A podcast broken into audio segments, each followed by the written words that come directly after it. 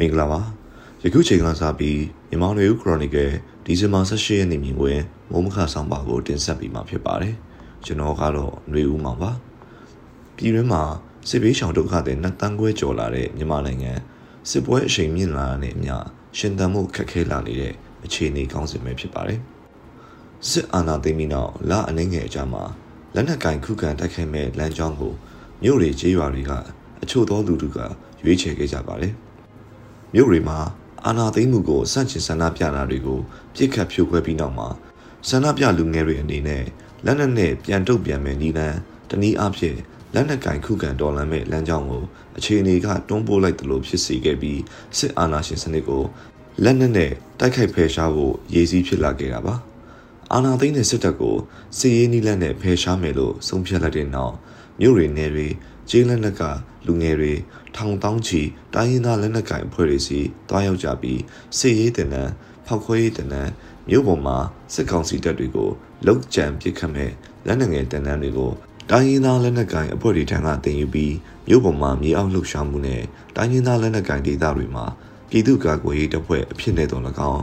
တိုင်းရင်းသားလက်နက်ကိုင်အဖွဲ့တွေရဲ့အမိန့်ပေးမှုအောက်ကစစ်ကြောင်းတွေမှာတော်၎င်း ဝင်ရောက်ပြီးစစ်ကောင်စီတပ်တွေကိုတိုက်ခိုက်ဖို့လှုံ့ဆော်ခဲ့ကြတာဖြစ်ပါတယ်။နှစ်နှစ်ကျော်သုံးနှစ်နီးပါးလက်နက်ကင်ကခုခံတော်လှန်ရေးဆင်နွှဲလာကြရမှာ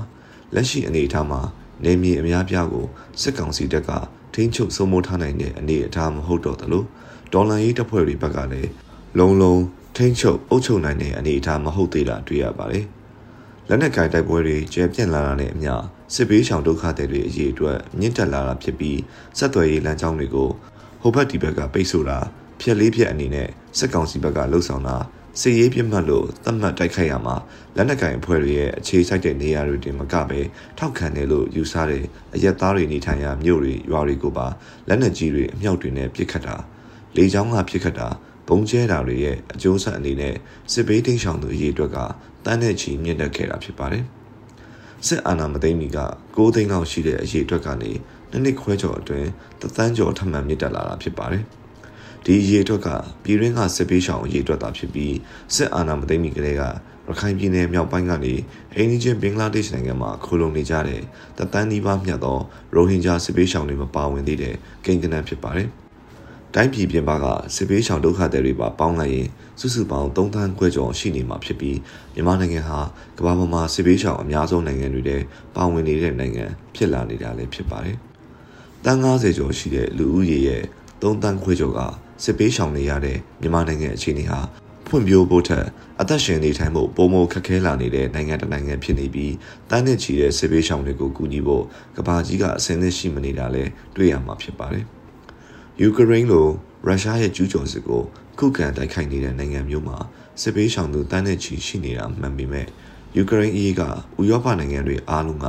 ၎င်းကိုဥရောပရဲ့အရေးတပွဲမှတ်ယူကာ တက်တက်ကြွကြွအကူအညီပေးကြတာမျိုးဖြစ်ပါတယ်။မြန်မာနိုင်ငံလိုအရှိအလဲပိုင်းနိုင်ငံတချို့မှာလို့ဖြစ်ပွားတဲ့စစ်ပေးရှောင်အရေးကိစ္စတွေရဲ့တက်ရောက်မှုထက်ဥရောပနိုင်ငံတွေပါဝင်နေတဲ့ယူကရိန်းရဲ့တက်ရောက်မှုက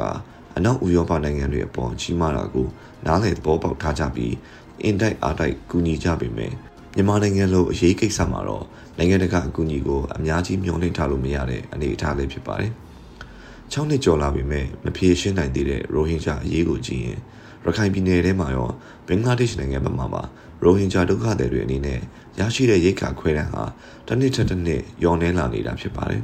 ။တစ်လကို12ဒေါ်လာအထက်ရရှိရကနေ10ဒေါ်လာယခုအခါ10ဒေါ်လာလောက်ထိလျော့နှဲလာနေပြီးအသက်ရှင်ဖို့ခက်ခဲလာနေတာလည်းဖြစ်ပါတယ်။ ပြည်တွင်းမှာလည်းရခိုင်ပြည်နယ်ကဒုက္ခသည်စခန်းတွေအနေနဲ့စစ်ကောင်စီရဲ့ရခိုင်ပြည်နယ်တစ်ခုလုံးကိုဖျက်လေးဖျက်လုပ်ထားတာကြောင့်အသက်ရှင်တန်နေထိုင်ရေးအတွက်စိုးရိမ်စရာအနေအထားရောက်လာနေတယ်လို့သတင်းတွေထဲတွေ့နေရတာဖြစ်ပါတယ်။ယခုလိုရခိုင်ပြည်နယ်ကစစ်ပေးရှောင်ဒုက္ခသည်သတင်းတွေအပြင်ဂရင်းဒီပြည်နယ်ကဒုက္ခသည်တွေရှမ်းမြောက်ကဒုက္ခသည်တွေစကိုင်းတိုင်းကဒုက္ခသည်တွေရဲ့အနေအထားတွေကလည်းအခက်အခဲမျိုးမျိုးနဲ့အသက်ဘေးအန္တရာယ်ကြာရမှုအဖုံဖုံရှိကြတာဖြစ်ပါတယ်။ ရှမ်းမြောက်မှာမကြာခင်လပိုင်းကစတင်တဲ့2029စစ်စင်ရေးရဲ့နောက်ပိုင်းရခိုင်ကစစ်ပေးရှောင်ကြရလိမ့်မယ်လို့မျှော်လင့်မထားတဲ့မြို့တွေရွာတွေအများအပြားစစ်ပေးတိတ်ရှောင်ကြရတာဖြစ်ပါတယ်။တိန်နီကြောင်မဲတီဘောနမ်ခမ်းမူဆဲနောင်ချိုတို့လိုမြို့တွေအထိစစ်ပေးရှောင်နေကြရသလိုဂရင်းနီပြည်နယ်မှာပြည်내မြို့တော်လိုက်ကော်ကိုမြို့သိမ်းတိုက်ပွဲတွေဆင်နွှဲလာပြီးနောက်မှာမြို့ကန်တောင်းတဲ့ချီရှမ်းပြည်နယ်တောင်ပိုင်းကိုတင်းရှောင်နေကြရသလို မြန်မာနိုင်ငံတောင်ပိုင်းမှာလည်းကော့ကရိတ်မြို့ကန်အများအပြားစစ်ဘေးရှောင်နေကြရတာဖြစ်ပါတယ်။အလားတူတနင်္သာရီတိုင်းမှာလည်းထောင်နဲ့တောင်းနဲ့ချီတဲ့စစ်ဘေးရှောင်တွေဒေသတွေအတွင်းမှာပဲတင်းရှောင်နေကြရတာဖြစ်ပါတယ်